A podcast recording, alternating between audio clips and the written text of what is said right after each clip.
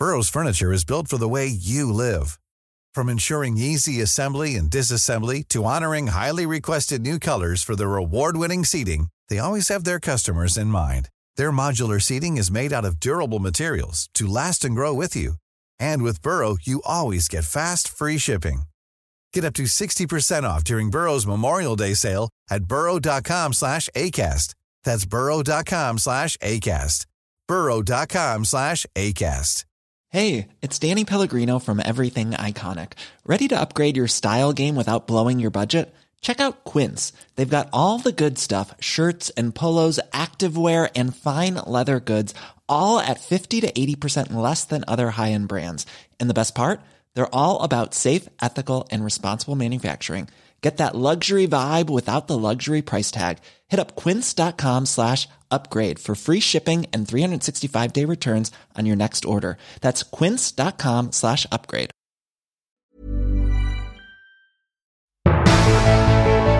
Folk blir født, konfirmert, gift, og de dør i lokalavisa.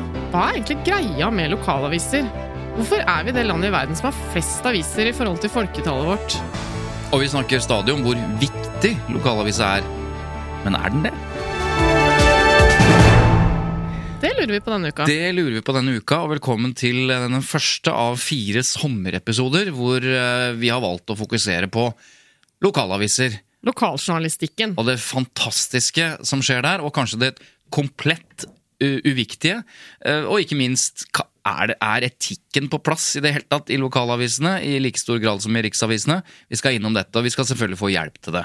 Selvfølgelig, fordi vi har jo selveste BA-desken her, Ken André Ottesen, som jo har blitt en slags eh, spesialist på lokalaviser i Norge, vil jeg si. Velkommen og velkommen tilbake. Tusen takk. Veldig koselig å være her igjen. Ja, altså uh, BA-desken, for de som ikke hørte forrige episode, det er altså den Forrige episode som da var i, i midten av juni. Ja, eh, og det er da BA-desken, som er en stor Instagram-konto med 350 000 følgere og vel så det, som da klipper ut uh, og viser fram forsider eller sitater eller klipp fra medier, og mest lokale medier. Mest, mest lokale. Og Eva, du spurte jo uh, da Ken var her første gangen, at om det var for å drite ut eller for å hylle. I hvert fall det første var kanskje et inntrykk av at det var litt sånn utdritning. og så kan ikke du bare si det en gang til? Hva, hva, er, hva er oppdraget ditt? eh, Hva er det du driver med med denne Instagram-kontoen?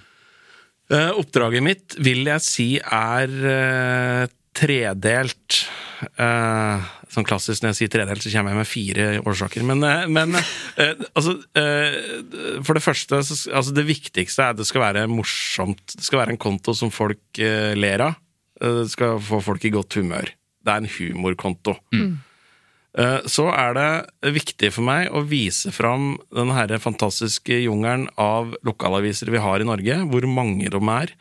eh, hvor mange små plasser som har sin egen lokalavis, og hvor, eh, hvor nydelig det er. Eh, og vise fram helt vanlige folk. Helt vanlige folk som gjør ganske vanlige ting. Det er det så Ja, men helt seriøst. Det blir skrevet så mye om de peneste, de rikeste, de raskeste og de slemmeste og de dummeste. Eh, og de kåteste, med sånn eh, Ex on the Beach og Paradise Hotel og sånn. Men helt vanlige folk. Norge består av 99,9% vanlige folk, eh, og de er best representert i lokalaviser. Mm. og jeg liker Jeg er en innavla totning. Jeg liker vanlige folk best. Heia vanlige folk! Ja, fordi du sitter nå med en uh, caps på deg som det står Toten på. Ja. Uh, og det har kanskje blitt et varemerke for deg? I hvert fall caps. Om Ja. det står Toten hver gang, veit jeg Jo, ikke. det står Toten. Toten, Ja. ja. Og, uh, og du er fra Raufoss, og da vi hadde deg som gjest for noen uker siden, så fortalte du at det var litt krise det at Raufoss ikke lenger er, og bygda, fordi det har blitt by. Ja, de har bestemt at Raufoss har blitt by, og det er jo, nå er jeg bygutt, og det er krise. Ja. Og dessuten så har jeg, eh, og dette er uvanlig på Toten, men jeg har foreldre fra to forskjellige kommuner. For det, i luftlinje så er det bare 400 meter imellom husa de vokste opp i, men fattern er fra Gjøvik, og mutter'n er fra Vestre Toten. Det er gøy. Ja, det, og det er ganske uvanlig, så jeg ble å skryte litt av det. Men nei da. eh, Nå er det på to grunner. Det var altså eh, det er to grunner til den Instagram-kontoen. Ja. Morsom Ja. Og vise fram vanlige folk. Du heier på vanlige folk. Og så er det en tredje grunn som Ja. er litt viktig for meg. Fordi at jeg mener at eh, humor uten noe alvor i bånn, det er for meg helt eh, meningsløst. Det er det som er intelligent humor. Ja, det er jo det, det, Derom strides de leide, da. Men, men det som ligger i bånn, den røde tråden på BA-desken, er at vi må øh, ikke glemme at vi er født og bor i verdens beste land. Mm. sånn at det hender jo at jeg har sånne her uh, ukrainske tilstander, syriske tilstander, norske tilstander, der det viser hvor jævlig det er i utlandet, og, og vi faktisk syter for i Norge. Uh, og det er viktig for meg at folk skjønner at uh, det at det er litt sånn rare det folk kaller agurksaker i norske lokalaviser, som jeg kaller gladsaker. Jeg hater agurkbegrepet. Det er bare en indikasjon på at vi bor i verdens beste land, der journalister faktisk har tid til å skrive om en rar potet, i stedet for å skrive om at nå er ordføreren skøt i natt, liksom. Eh, og det må vi ikke glemme, og det er liksom den røde tråden i BA-desken. er at Gi folk en påminner om at jo, vi bor i verdens beste land, og vi bor i verdens morsomste land. Så, Jeg tror uh, jeg kan eh, bidra med den fjerde grunnen, uh, som er litt lik det jeg føler vi driver med, Svein Tore. Nemlig det at indirekte gjennom BA-desken og indirekte gjennom Tut og Medkjør, så prøver vi også å bidra til at folk skal forstå hvor viktig mediene og pressen er for oss. Mm, både I samfunnet. nasjonalt og regionalt, og ikke minst da lokalt. da. Altså Hvor viktig lokalavisa Du sa jo det i starten, at vi er det landet med flest aviser per uh, folketall, og flest også lokalaviser. Um, Og det blir bare flere og flere. Ja, det er folk, ganske folk tror- utrolig. Ja, men eh, Hvis du liksom leser sånne alternative medier, så får du inntrykk av at uh, MSN, som de kaller da Uh, Mainstream. mainstream Ja. ja, MSM, Uh, at det er, eh, de er på vei til å dø. Mm. Det er bare tull. Det har aldri gått så bra. Uh, og så og så, eh, får de sånn inntrykk av at de er i ferd med å ta over, at den tradisjonelle media er i ferd med å dø. Men det blir bare flere og flere aviser. Det, er jo en, det er mye enklere å sette opp en lokalavis i dag. Da. Det er jo bare å ha ei nettside og kalle det i uh, Mosjøen eller i Harstad eller Ja, sånn. Melde seg inn i en av medieorganisasjonene, og da dermed følge Vær varsom-plakaten. Ja, Ja, det er viktig. Sånn at man er et redaktørstyrt medium som ja. følger etikken. Mm. Og bare, Det har kommet en eh, rapport eh, nå i det siste om, eh, som er en sånn stor eh, rapport om mediene og medienes tilstand i verden osv., som vi skal snakke mer om men, eh, en annen gang. Men, eh, men det, Norge er jo på topp også når det gjelder å betale for nyheter. Altså flest brukere som betaler eh, for å lese nyheter, som jo selvfølgelig henger sammen med tilliten vi har til mediene osv. Det får meg til å tenke på en ting som, eh, som også kan være litt så vanskelig når vi har så mye å velge mellom. For jeg vil jo da tro at en som er fra bygda, eh, har i utgangspunktet eh, abonnement på en lokalavis, kanskje en regionalavis og en riksdekkende avis. Men så er det jo alle disse andre flotte avisene som eh, innimellom eh, lager saker som vi har lyst til å kikke innom. Men da er det jo liksom vanskelig, for alle vil jo at vi skal bli abonnenter. Ja, For å det- komme inn på plussakene og sånn, så dette her syns jeg er litt sånn komplisert. Ja, og det er, jo, det er jo veldig mange som har etterlyst en sånn Netflix, eller en Ja. slags øh, løsning for dette her. Uh, nå sa jeg Netflix, men jeg mente så klart Spotify. Eh, men uh, Amedia har vært smarte med den Alt pluss-løsninga si. Da kan du abonnere på en Amedia-avis, og pluss noen få tikroninger, så får du tilgang til alle 110 titler de har nå, omtrent. Og det er jo helt nydelig. Ja, det, Hvis man har jeg tid har til å drive og holde på litt rundt. Ja. Fantastisk. Eh, og da har du Nettavisen pluss sakene og en del sånne ting, for de eies av media, de også. Ja, og, det, og, og, og eh, nordmenn har jo eh, et forhold til flere enn bare én lokalavis, fordi at eh, de fleste har jo hytte. Noen har hytte på sjøen, og noen har hytte på fjellet. Og der er det òg en lokalavis, og du er jo så mye på hytta at du har lyst til å følge med der. Sånn at eh, aviser som eh, Valdres og Hallingdølen har jo mer enn 100 dekning. Eh, altså de, de, ja, ja, men altså, de, de, de Det er selger flere flere. enn det jeg har innbyggere. Ja, fordi at hyttefolket bidrar, ikke sant, på å abonnere. Men, men akkurat det, for her er jeg Her eh, Jeg har lite sånn Skal vi si, ikke et traume, men, jeg, men, men det, det er noe som irriterer meg fra gamle dager og fra min egen eh, skal vi si, hjemplass og lokalavis. Jeg skal ta det snart. Men hvor, hvor mange må det bo på et sted for at det, de får en eh, lokalavis? Altså, hva, hva snakker vi om da? Uh, nei, altså de minste lokalavisene i Norge uh, vil jeg tippe har noen hundre abonnenter. Og drives mer eller mindre på frivillig basis. Og da bor det kanskje 1000 stykker der, da? Ja, ja. ja. Og, og det skal ikke mer til. Altså, men, det, men det kommer jo litt an på hva- er du villig Vil du jobbe for veldig lite penger og formidle nyheter til bygda di, så går jo, det er jo det bare å starte. Eh, men uh, lokal, altså, norske lokalaviser går bra. De har klart, endelig klart den her overgangen fra å gi bort nyhetene sine gratis på nettet til å faktisk få folk til å betale for det. Og jeg blir ofte spurt om ja, men hvorfor er det sånn at folk nå er mer villige til å betale for nyheter enn før.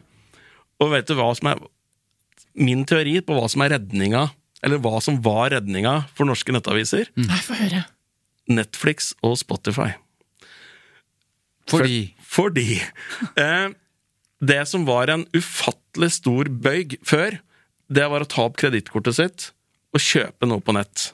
Altså, For mine foreldre så er det fortsatt helt utenkelig at du skal taste inn nummeret til kreditt Altså gi Og noen tilgang til penga dine nettet, liksom, på nettet, ja, det store nettet. Men Netflix og Spotify ble så viktig for folk. Altså Det var så viktig å få med seg House of Cards eller for å endelig få høre på gamle Elvis-plater Mm. at folk for første gang tok fram kredittkortet sitt og tasta inn de numra. Opplevde at de kjøpte noe på nett og fikk det. Og det gikk helt fint. De har like, nesten like mye penger i banken i som før. heller. Nei, Og det gikk helt fint. Ja. Og når du har gjort det én gang, så gjør du det en gang til, og da gjør du det og det du hadde nest mest lyst til å ha, og det var abonnement på lokalavisa. Nydelig. Ja, for det er jo et eh, I motsetning til en del riksaviser eller bransjeaviser eller, eller eh, ja, eh, masse aviser, så er jo lokalavisa noe som er et must have fortsatt for mange. Men hva får... er lokalavisa? Forklar. Hva, hva, hva kjennetegner lokalavisa, Ken André? Nei, Du var jo litt inne på det innledninga her. Altså det er, du blir født der. Mm. Du er på en måte ikke født før liksom alle har sett det der bildet. Den annonsen, eller den Den- derre ja, ja, ja, ja, med mora og faren din står og holder deg i arma, og her er navnet og sånne ting. Uh, og så uh, begynner du med noe idrett, og det er liksom første gang du er i avisa, er gjerne en sånn knøtt i AD eller miniputt i AD, eller hva det er, fotball Ja. eller håndball eller et eller annet sånt. Jeg husker jo det, i min lokalavis i Groruddalen, at uh, vi liksom vant en eller annen cup. ikke sant? Det har jo jeg fortsatt et eller annet sted. Første gangen jeg var lokalavisa, tre år. Tre til fireårsklassen i langrenn med tidtakning og resultater. Det var det før. altså jeg kødder. I dag er det bare sånn eh, hva, Ikke intervall, men sånn Median Median Ja, ja, du bare går eh, på, Ja. på Idealtid. Idealtid, ja. Ja. Nei, og alle tre- er like gode. Tre, nei, tre til fireårsklassen. Og hvis jeg da kan få lov, jeg vant den eh, klassen da jeg var tre og et halvt år. Ja og jeg gikk altså er litt tidlig, å, litt tidlig å pike. sju, sju minutter fortere enn navngitt nabo. Klart, Det var jo dødspinlig, antageligvis. Ikke for oss, da, for vi skjønner ikke en dritt av det, men foreldrene. Men, Ja. Men, er men jeg, kan, jeg, jeg vil gjerne si til den naboen nå, som nå sikkert føler seg ganske dum, Paul Steinar. at du sitter faktisk med sixpence. Så Pål Steinar, du er vinneren eh, i dette livet her uansett. Og det sier han som sitter med Toten-cap. Jo, Og så videre. fortsetter det med konfirmasjon og bryllup og det ene med det andre. Så I det- lokalavisa. så, og så dør du. Og så dør du. Eh, og det gjør vi alle. Og det er jo eh, Jo eldre du blir, jo viktigere blir på en måte dødsannonsesida i lokalavisa. Eh, så, så lokalavisa er på plass eh, hele livet ditt. Og jeg pleier ofte å prate, når jeg prater om lokalaviser, så pleier jeg ofte å si at eh, lokalavisa er de som står på sidelinja og klapper på den veien til noe som kan bli noe stort. Altså, når Petter Northug ble nummer 13 i et kretsrenn, så var jo ikke VG der for å skrive om han. Men, eh, men, men det gjorde bladet uh, oppi der. Uh, skrev om Petter Northug. Um, sånn at, og, og så tar riksavisene over når du blir skikkelig god. Da, vi skriver om folk når de blir, vinner VM eller OL eller sånne ting. Men noen har stått og klappa på veien. Og hva hadde disse portrettene eh, i Mesternes mester vært uten oppslaget av mesterne da de var nettopp ni Ja, og det og tolv år. Ja, når du ser de der eh, innslagene, ja. Ja, fantastisk. Men du, det jeg skulle ta opp var Jeg sa at jeg var i lokalavisa da jeg var tre år, på dette skirennet. Men eh, det var på én side. Fordi eh, Jevnaker, der jeg er fra, og det er kanskje noen blander det med Jessheim, men altså Jevnaker, det er der Hadeland glassverk er. Så har Masse epletrær på sånne deilige sletter. Ja, det er før Jevnaker. Ja, ok. Hadeland glassverk. Så det er, det er et viktig sted. Det er en 5000-6000 innbyggere har vært eh, så lenge jeg har, eh, har levd. Er enda, enda litt flere nå. Så skulle jo tro at det var rom for en egen lokalavis på Jevnaker. Men nei da. Vi har da Ringerikes Blad over fylkesgrensa som det var før. Eh, I Hønefoss, som er eh, 12-13 km unna. Men der var det en egen altså I Ringerikes Blad, som bare handla om Ringerike, så var det én side som var Jevnaker og omegn. Mm. Så var, vi hadde ei side i, i Ringerikes Blad. Legg merke til at det er litt dialekt som kommer fram. Ja, ja, også, så- men så har vi jo også din lokalavis, som har Oppland Arbeiderblad, og vi hadde en som var kanskje enda nærmere, som var avisa Hadeland. Som begge de eksisterer jo fortsatt. Og tidligere var jo de konkurrenter. Så Riktig. da hadde jo Oppland Arbeiderblad hadde jo kontor på Gran, der Hadeland, avisa Hadeland er. Riktig. Og så prøver da eh, Ringerikes Blad prøver da å presse seg bitte litt inn på området der ved å gi folk på Jevnaker ei side om. Jevnaker uh, i hver avis. Og jeg må bare si det at det, det var den sida jeg forholdt meg til. fordi at det, Jevnaker, for de som ikke Nå blir veldig sånn Men du må over en jævla svær haug, over til bygda der Gran og Brandbu og Roa og Hadeland er. Vi føler oss på sett og vis litt nærmere eh, Hønefoss, både geografisk og på forskjellige områder. Så jeg, forholdt meg ikke så mye til liksom, Hadeland og Oppland. Det var Ringerikes Blad, men der var det ei side. Så Men- det jeg savna, men, ja. det var en lokalavis som het Jevnaker Arbeiderblad. Vi skal videre eh, på programmet. Jeg tror eh, jeg har rett når jeg sier at eh, lokalavisene oftest blir felt på punkt 414, som vi ofte snakker om, Svein Tore, eh, som handler om samtidig møtegåelse. Det er vanlig i all norsk presse. Men sånn, bortsett fra det, hva er det som er utfordringen i lokalavisene når det kommer til presseetikken, Ken André? Jeg tror det blir litt feil å kun se på PFU-dommer, fordi at de største mediene Fellelser. Fellelser. Ja, sorry. Men de største mediene i Norge er jo, har jo eh, folk som jobber kun med det, og prøve å få til en minnelig løsning med de som klager det inn, og sånn at de slipper å havne i PFU, og sånn at de Ja, løser det er dette her på på For det er jo ønsket, ikke sant? Ja. At ikke utvalget skal bruke tida si hvis de ikke trenger. Ja, Mm. og små lokalaviser har jo ikke ressurser til å ha en egen person som sitter og, og forfatter svar på klager og Mm. sånne ting. Så det er, noe av det skyldes det. Eh, en annen ting er jo at eh, det fins utrolig mye flinke journalister i norske lokalaviser. Det er faktisk ikke sånn at alle har lyst til å jobbe i VG. Eh, Jeg hadde lyst til å jobbe i VG, men jeg vet om mange eh, som er minst like flinke, eh, eller var like flinke som meg, som ikke kunne tenke seg å flytte til Oslo og jobbe i VG. Og Ja, VG-journalister som flytter tilbake igjen og jobber i lokalaviser å seinere. si til deg som hører på at Ken André Ottesen da har jobba i mange år på desken i VG. Jeg har jobba ti år på desken i VG å- og 18 år i norske lokalaviser. Ja. Eh, Men så er det jo sånn at eh, de fleste starter jo, eh, heldigvis, starter sin journalistiske karriere i en lokalavis. Så du er på ditt mest uerfarne ofte Mm. når du jobber i lokalavis. Og når du er på ditt mest uerfarne, så gjør du flest feil. Eh, Sånn er det bare. Mm. Og så snakket du litt om, i, da du var her eh, forrige gang, om at desken er bedre på presseetikk i VG enn nødvendigvis journalistene, fordi dere tar flere avgjørelser. Det blir en slags mengdetrening på presseetikk, hvor man hele tiden må ta avgjørelser opp mot eh, presseetikken. Og det er jo litt som i Der kan man også forstå litt at i lokalavisene så kommer man ikke oppi så ofte og så store mengder med presseetiske utfordringer, kanskje. Jeg vet Altså, da, jeg jobba, da jeg jobba i Oppland Arbeiderblad, så var det ett drap i året. Eh, og når jeg flytta til Bergen og begynte i BA, så var det ti drap i året. Og i VG så er det 40-50 mm. i drap i året. Mm. norske, og så har du det utenlandske. Og så, det er klart at det, når Du tar Du blir jo bedre på det når du tar 50 avgjørelser, mm. eh, presseetiske avgjørelser, i, for, i forhold til drap, da, eh, enn om du gjør det én gang i året. Ikke sant. Men det er en annen ting ved etikken, bare så vi har vært innom det, som folk har eh, problematisert, og det er jo nærheten. I, I en lokalavis, fordi redaktøren er eh, svogeren til ordføreren, som er da eh, onkelen til eh, bestyreren på sykehjemmet. Og, og, kusina til fotballtreneren på Riktig. fotballaget som alle elsker. Og, Ja. og det kan jo de fint være, det er bare at redaktøren skal være såkalt uavhengig av alle disse bånd og slektskapene. Eh, og så har man jo avdekket type korrupsjon og, og sånn, og hvis du skal skrive om det, så kan du må du i hvert fall ha en avstand til det osv. Altså akkurat det perspektivet der med nærhet og, og koblinger i lokalsamfunn, og, og hvor krevende det gjør eh, både journalist- og redaktørrollen, du som kjenner lokalavisa bedre enn oss. Nei, det er nok eh, en hverdag som folk i riksaviser eh, Enten så har de glemt det, eller så veit de ikke hvor vanskelig det er, tror jeg. Og én ting er jo på en måte at du skal ha din presseetiske sti rein, men ofte så altså, øh, i, Og det er det jo mye i riksmedia, men du har jo en enledermodell. Så du er jo både direktør og redaktør. Uh, og i veldig, veldig mange bygder i Norge i dag så er det jo hjørnesteinsbedrift. Hele bygda jobber på én bedrift, og den bedrifta eh, bærer jo egentlig lokalavisa litt på sine økonomiske skuldre òg, ikke sant? Fordi at de annonserer fryktelig mye, og alle som jobber der, abonnerer på avisa.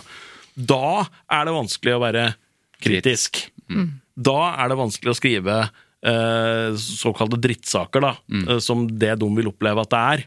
Eh, og så skal du på fotballtrening etterpå eh, med dattera di, og så møter du de andre foreldra, og alle de jobber på den fabrikken som Men- du på en måte Jeg skjønner det, men likevel så er det jo kjempeviktig at de lager de sakene eh, og klarer å forklare at det er jobben vår, liksom. Mm. Ja, ja, og og det, gjør, det gjøres jo hver eneste dag. Så er det jo eh, er det lokalavisjournalister i Norge som har et sånn lite helvete fordi at de gjør jobben sin. De er kritiske til noen maktpersoner i bygda, og de eh, sender saken sin, og den kommer ut på nettet. Og så logger de seg av, så går de på butikken, og så møter de samme person i but butikkhylla når du skal kjøpe inn uh, salmalaks til uh, familien, liksom. Og det slipper jo stort sett riksavisene. Slipper jo stort sett det. For de er jo bare i lokalsamfunnet når det skjer noe, og så reiser de igjen. Ja. Ja. Ikke sant? Både Gahr Steiro og Trine Eilertsen, som er redaktør for de største avisene, de, eh, de er, har jo ikke sitt lokalsamfunn eh, rundt jobben. Nei, og i hvert fall ikke nå når begge bergenserne har flytta til? Oslo. Men du, Ken André, alle i Norge snakker jo om hvor viktig lokalavis er. Men hvor liten kan en sak være i en lokalavis? Uh, det, det får ikke blitt for liten sak, syns jeg. Uh, det, Ta et jeg hadde- eksempel. Nei, jeg hadde Nylig så la jeg ut en sak om uh, Jeg husker ikke hvilken avis Var det Tvedestrandsposten? Eh, om at noen hadde glemt at en sutteklut på en busstopp. Og, og det, ja, men det er jo, eh, som jeg skrev, altså det, er, det har absolutt null å si for menneskeheten, men for ett menneske så er dette hele verden. Ja. Eh, så, og det er helt topp. Jeg syns det er en kjempefin sak at lokalavisa skriver at noen har glemt at en sutteklut på, på, på busstoppen. Og sutteklut er én ting, men for ikke å snakke om mjølkerull, Ken. For det er en sak jeg husker spesielt godt, fordi det var Olga og melkerullen og ei mus. Det var faktisk eh, den saken som prega coveret på min første bok. Eh, er kanskje derfor altså, jeg Ja, for du har gitt ut fem bøker om ut fem eh. BA-desken-materialet ditt. Ja. Eh, nei, Olga. Eh, 83 var hun vel da. eh, fra Stord. Mm. Eh, nylig enke. Um, og når, mens mannen levde, så var Olga og mannen hennes var veldig glad i å kjøre bil. Eller kjøre på biltur. Og så døde jo han, trist, eh, så klart. Og så, men Olga fortsatte jo å kjøre bil. Men eh, hun merka at hun ble også litt trist av å kjøre bil, for hun savna mannen sin så mye når hun kjørte bil. Så da hadde hun en mjølkerull i hanskerommet. Altså en Freia-sjokolade. ja, og tok en eh, bit eller to da, når eh, han følte seg eh, ekstra lei seg. Og dette her eh, hjalp jo på blodsukkeret og humøret. Eh, Så det blei ble en fast følgesvenn, den der mjølkerullen. Så skulle Olga eh, besøke dattera si, tror jeg, i Oslo, og kjørte til flyplassen på Stord, parkerte bilen eh, på en fredag og kom igjen på en mandag. Og i løpet av helga så var det noen mus som hadde tatt seg inn i bilen og funnet den her mjølkerullen i hanskerommet og gomla på. Det er ikke sant! Jo.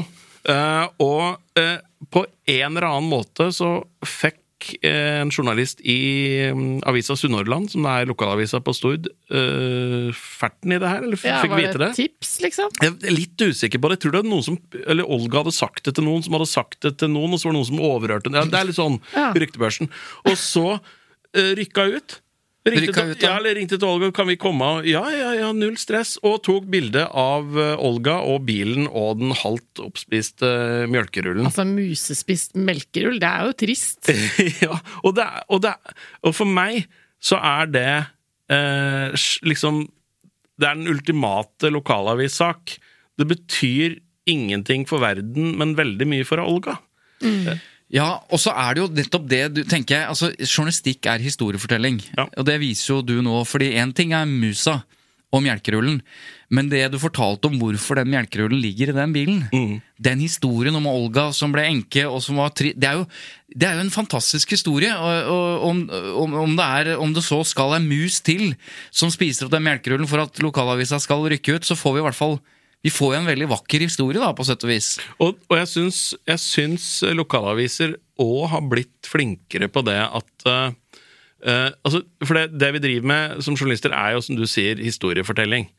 Og hvis folk om 100 år går tilbake og ser på norsk media, så ville det vært trist om inntrykket var at det eneste vi gjorde i Norge på den tida her, det var å vinne fotballkamper og vinne VM-gull og OL-gull på ski, og at alle var milliardærer og altså Noen må dokumentere vanlige folks liv, eh, og det gjør lokalavisene på en mye bedre måte enn det riksavisene gjør. Ja, klart. Eh, sånn at eh, det er, som sagt, 99,9% av Norge er vanlige folk. Men Ken André, du er jo et leksikon, eh, har jeg skjønt, av småsaker. Ja. Og nå sitter jo folk rundt omkring i sommerferiemodus og hører på oss. Kanskje på stranda eller et eller annet sted. Kan ikke du komme med noe små drypp, noe, noe highlights, noen morsomme ting som du kom på? At eh, du sitter her helt uten eh, noe PC og manus, men du har en eh, veldig bra hukommelse, tror jeg, på disse tinga. Uh, det er jo veldig mye sånne enkeltsaker som er uh, morsomme, men jeg, jeg syns jo at eh, eh, Jeg syns det er morsomt når det er litt sånn krig mellom eh, lokalaviser, altså sånn overført betydning, de Ja. driver ikke og skyter på hverandre, men eh, og, og, og så syns jeg er veldig fascinerende med altså Uansett hvor du bor hen i landet, så har du noen du på en måte hater litt. Ja. Altså hvis du drar til Nabobygda, eller- ja, Mo i Rana så hater du Mosjøen, sant? Og, og, og bor du på Gjøvik, så hater du Hamar. Og sånn, sånne lokalderbys er det overalt. Bor du i Bergen, så hater du Oslo litt òg, kanskje? Ja, men ikke veldig lokalt, det, da. Nei, Det er helt jævla. Hardangervidde imellom. Men det, det er nok altså Det jeg pleier å kalle Norges eh, Israel-Palestina, Ja. det er Volda og Ørsta. Er det sant? Jeg trodde det var Volda og Ørsta var et slags uh, et sted. Ja, folk tror jo det, og Ja. de deler jo en flyplass. Altså, Volda og Ørsta ligger på hver side av en haug, og midt oppå den haugen så ligger det en flyplass. Og så de deler jo den. Men Hvor i landet er vi, for de som ikke har geografikunnskapen i Sunnmøre. Ja. eh, Litt sånn Søre Sunnmøre-variant. Eh, og Uh, der har de Altså, uh, i uh, Ørsta så har de Mørenytt, og i Volda så har de avisa Møre. Og disse her avisene eh, følger jeg med argusøyne, for at de eh, Omtrent annenhver sak de legger ut, er drit om nabobygda. Eh, og, og det er sånn type Men innenfor presseetikken, eller? Innenfor presseetikken, definitivt. Men det er sånn smålig drit som jeg elsker. Det er sånn type uh, Mørenytt. Altså Ørsta skriver om inntekta til folk i Ørsta ligger høyere enn inntekta til folk i Volda. Det er sånn typisk sak. Og så svarer da eh, avisa Møre med Voldingene har bedre vinnerlykka enn ørstingene. 15 lottomillionærer i Volda. Dette er fantastisk! Og, og så svarer da liksom eh, Mørenytt igjen. Ørsta får 3,1 km ny asfalt. Volda ingenting!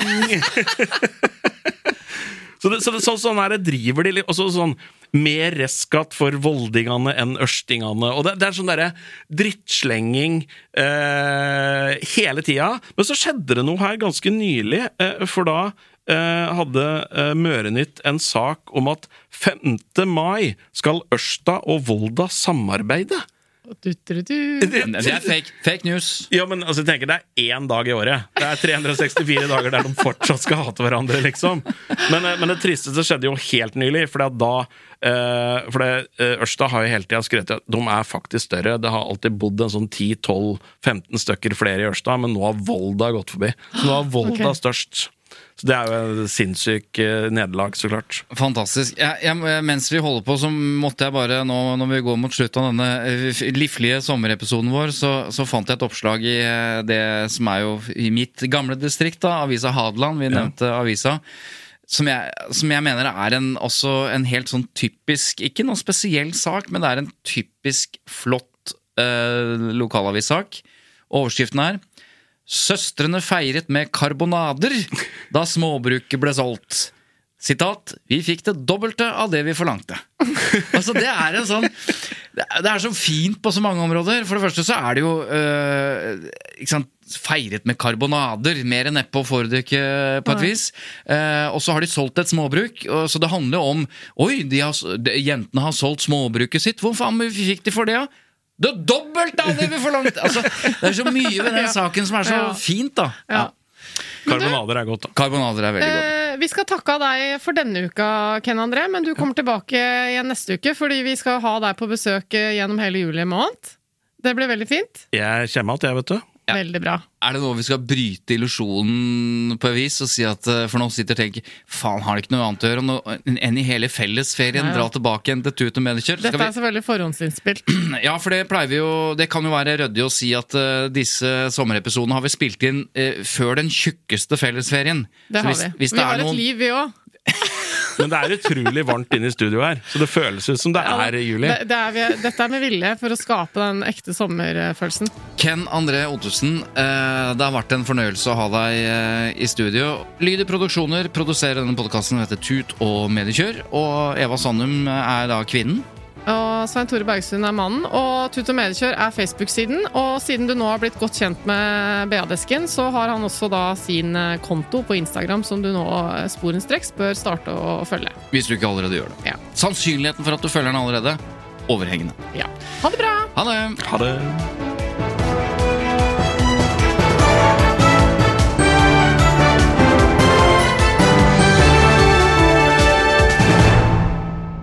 Har du lyst til å høre andre podkaster fra Flexibility is great. That's why there's yoga. Flexibility for your insurance coverage is great too. That's why there's United Healthcare Insurance Plans. Underwritten by Golden Rule Insurance Company, United Healthcare Insurance Plans offer flexible, budget friendly coverage for medical, vision, dental, and more. One of these plans may be right for you if you're, say, between jobs, coming off your parents' plan, turning a side hustle into a full hustle, or even missed open enrollment. Want more flexibility? Find out more about United Healthcare Insurance Plans at uh1.com. Planning for your next trip? Elevate your travel style with Quince. Quince has all the jet setting essentials you'll want for your next getaway, like European linen, premium luggage options, buttery soft Italian leather bags, and so much more. And it's all priced at 50 to 80% less than similar brands. Plus, Quince only works with factories that use safe and ethical manufacturing practices. Pack your bags with high-quality essentials you'll be wearing for vacations to come with Quince. Go to quince.com slash trip for free shipping and 365-day returns. Produksjoner. Nå hører du Viggo Kristiansen. Altså, folk må gjerne sitte der og så vite liksom, jo, men helt ærlig, jeg vet ikke om han er skyldig eller uskyldig. Det må være opp til folk flest. Men jeg vet selv hva som er sannheten i Baneheia-saken. Nye bevis er funnet. Hør ny episode av Baneheia der du hører dine podkaster.